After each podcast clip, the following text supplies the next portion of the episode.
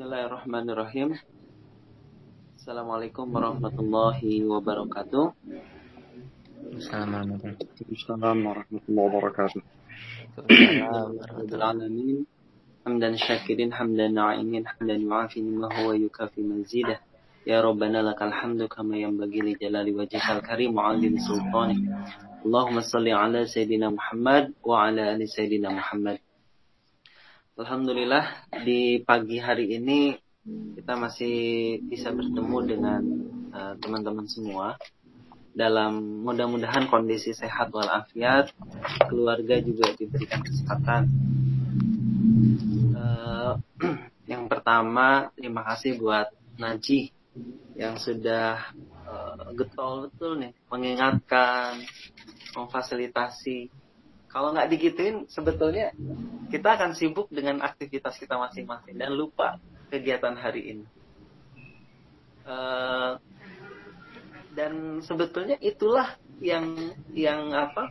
Yang bisa menular optimisme atau sikap yang uh, apa?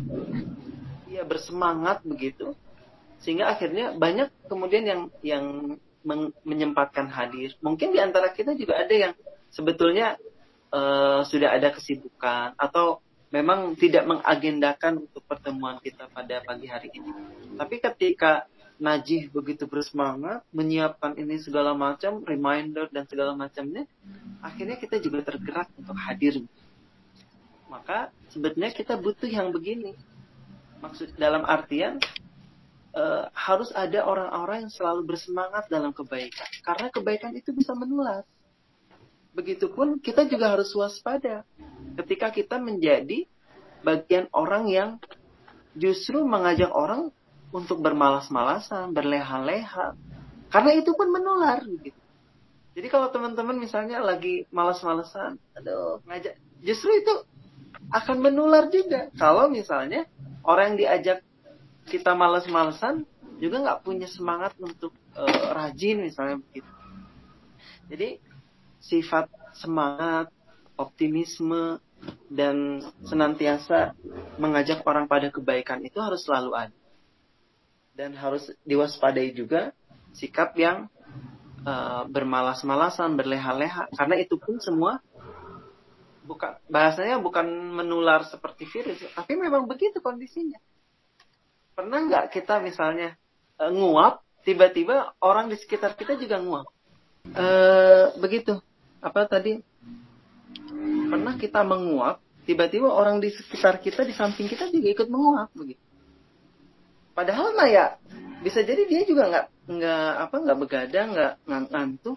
Cuman ya ketika kita menguap kok tiba-tiba ikut menguap gitu nah dari situlah sebetulnya kita uh, sadari bahwa kebaikan itu sikap semangat untuk ngajakin kebaikan, sikap kemudian bermalas-malasan pada uh, setiap aktivitas kita itu juga bisa menular kepada orang lain. Jadi yang pertama itu kita ucapkan jazakallah khair kepada Najih yang sudah uh, bersemangat untuk ngajakin kita selalu hadir dalam pertemuan-pertemuan. Yang kedua, yang perlu kita syukuri juga adalah aktivitas kita. Ada misalnya tadi Lutfan dengan semua beban tugas kerjaan yang banyak merasa berat begitu. Ya memang itu wajar. Tapi itu harus disyukuri, Van. Banyak juga orang yang nyari mana nih beban kerjaan karena misalnya mereka belum bekerja begitu. Jadi kondisi-kondisi yang menimpa diri kita eh, seperti yang selalu diingatkan Naji jika pertemuan kemarin memang harus disyukuri begitu supaya kita nggak jadi beban nggak jadi stres tapi dinikmati begitu. Ada orang yang merindukan punya kerjaan berat ada orang yang merindukan eh, apa punya waktu luang. Nah jadi di, di, di apa disyukuri dua hal itu. Ketika kita sekarang punya waktu luang kita syukuri. Ketika kita punya beban kerjaan yang berat kita syukuri juga. Insya Allah bisa lebih bahagia hidup jadi iya. dua hal itu yang ingin uh, pertama disampaikan nah uh, pagi hari ini saya ingin menyampaikan beberapa hal terkait uh, jadi saya lagi baca buku saat berharga dengan anak kita. Ini mungkin materi lebih banyak untuk yang sudah berkeluarga. Tapi buat yang belum berkeluarga, ini juga harus menjadi persiapan. Karena pada faktanya eh, beda begitu. Ketika kita belum berkeluarga dengan ketika berkeluarga, seolah ilmu yang kita pernah terima itu kok nggak bisa dipakai begitu.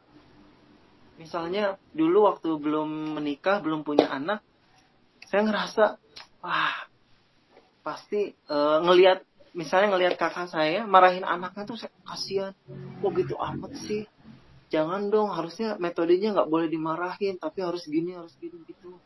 Tapi begitu punya anak anak melakukan sesuatu yang membuat kita kesel sama juga. Kita terpancing emosi kadang-kadang juga marah kadang-kadang juga akhirnya membuat anak kita merasa uh, tersakiti begitu itu padahal kita sudah punya ilmunya apalagi yang belum punya ilmunya atau yang tidak mempelajari sebelum menikah. Dia akan melakukan dua hal ya secara sekaligus. Yang yang pertama dia akan mencari ilmu yang kedua dia berusaha untuk mempraktikkan ilmu tersebut. Oleh karena itu buat teman-teman khususnya yang belum menikah juga uh, mulai dari sekarang mulai mempelajari uh, apa ilmu-ilmu tentang parenting begitu, tentang bagaimana menjadi orang tua. Walaupun memang ilmu itu sepanjang hidup kita. Karena kan kalaupun anak kita sudah dewasa, sudah berkeluarga pun kita tetap dianggap orang tua, tetap sebagai ayah ibu begitu. Tetap sebagai ayah. Sehingga uh, ilmu pengasuhan anak, uh, menjadi orang tua itu ilmunya pelajarannya se seumur hidup kita. Nah, yang pertama adalah uh, pernah nggak kita apa namanya merasa bahwa waktu kita tuh uh, berkualitas begitu atau kalau kita masih punya orang tua dengan orang tua kita kita menganggap bahwa kalau kita sebagai orang tua kita sudah memberikan waktu yang berkualitas.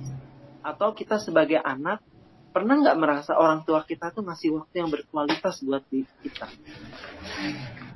Bisa jadi kita sebagai orang tua merasa kita sudah uh, lebih baik punya waktu berkualitas daripada yang uh, daripada kuantitas begitu.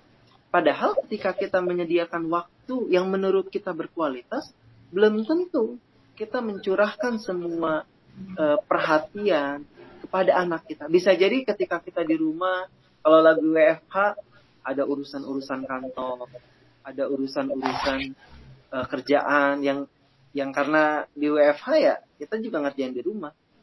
Ketika anak kita misalnya minta main atau lagi kerja, mereka ganggu kerjaan kita dan segala macam, justru itu bukan menjadi uh, waktu yang berkualitas. Jadi uh, apa waktu berkualitas adalah ketika kita mencurahkan seluruh perhatian kita kepada anak kita. Yang ngajakin bercanda, yang ngajakin main, yang ngajakin uh, apa aktivitas-aktivitas yang membuat mereka tuh merasa kita tuh ada dalam kehidupan mereka. Makanya itu yang dicontohkan oleh Rasulullah SAW. Bahkan ketika Rasul sholat sekali, ketika Rasul sholat, uh, kita tahu bahwa uh, cucunya naik ke atas punggung beliau. Kemudian uh, apa? Rasulullah memperlama sujudnya karena cucunya naik ke atas punggungnya. Jadi main kuda-kudaan. Nah, kadang-kadang saya juga apa ya? Ketika sholat misalnya, lagi ada kerjaan yang harus dikerjakan, anak-anak naik ke punggung, jadi kesel kan? Apalagi berat gitu, apa sampai nyekik leher gitu. Akhirnya ya dilepaskan. Akhirnya uh, dikasih tahu kalau lagi sholat jangan naik-naik ke punggung. Padahal yang dicontohkan oleh Rasul begini. Ketika anak naik ke punggung dilam, diperlama sujud. Biar mereka merasa nyaman senang dengan uh, apa main main kita. Kemudian uh, apa ada hal lagi yang perlu kita uh, ingat. Ada uh, apa? Terkadang kita merasa bahwa apa yang kita lakukan untuk anak kita, misalnya kita ingin anak kita ini bisa pandai membaca, bisa pandai membaca, bisa punya kemampuan ini dan itu. Tapi tujuannya bukan untuk uh, apa misalnya pandai membaca supaya dia bisa menambah ilmu, kemudian dia semakin uh, berusaha belajar agar bisa lebih dekat dengan Allah Subhanahu wa taala. Bukan. Tapi justru yang kita harapkan adalah apa? Supaya bisa dibanggakan di antara keluarga-keluarga kita. Bisa menjadi kebanggaan ketika kita ketemu dengan teman-teman kita. Wah, anak saya sudah bisa baca di usia yang uh, dini oh anak saya sudah bisa menghafal Al-Quran. Padahal tujuannya bukan itu.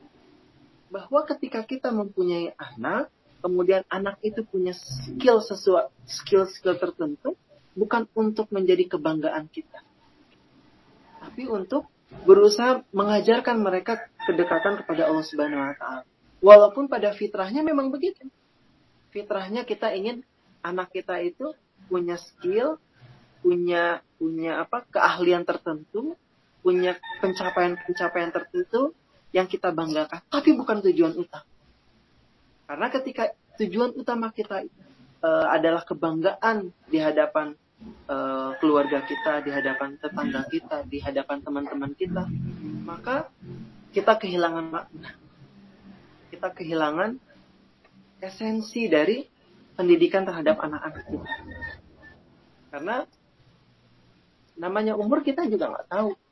Ada misalnya yang anak uh, uh, menga kita menganggap bahwa ketika kita memberikan ilmu kepada anak kita, kita jadikan mereka itu memiliki masa depan yang cerah, mempersiapkan masa depan yang cerah.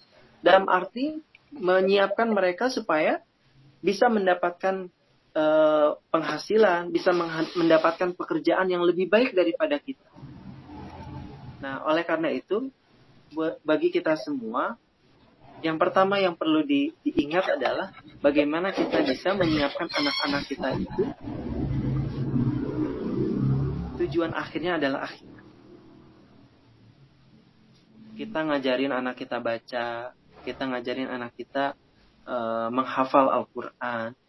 Dalam rangka apa? Menyiapkan bekal untuk akhirat.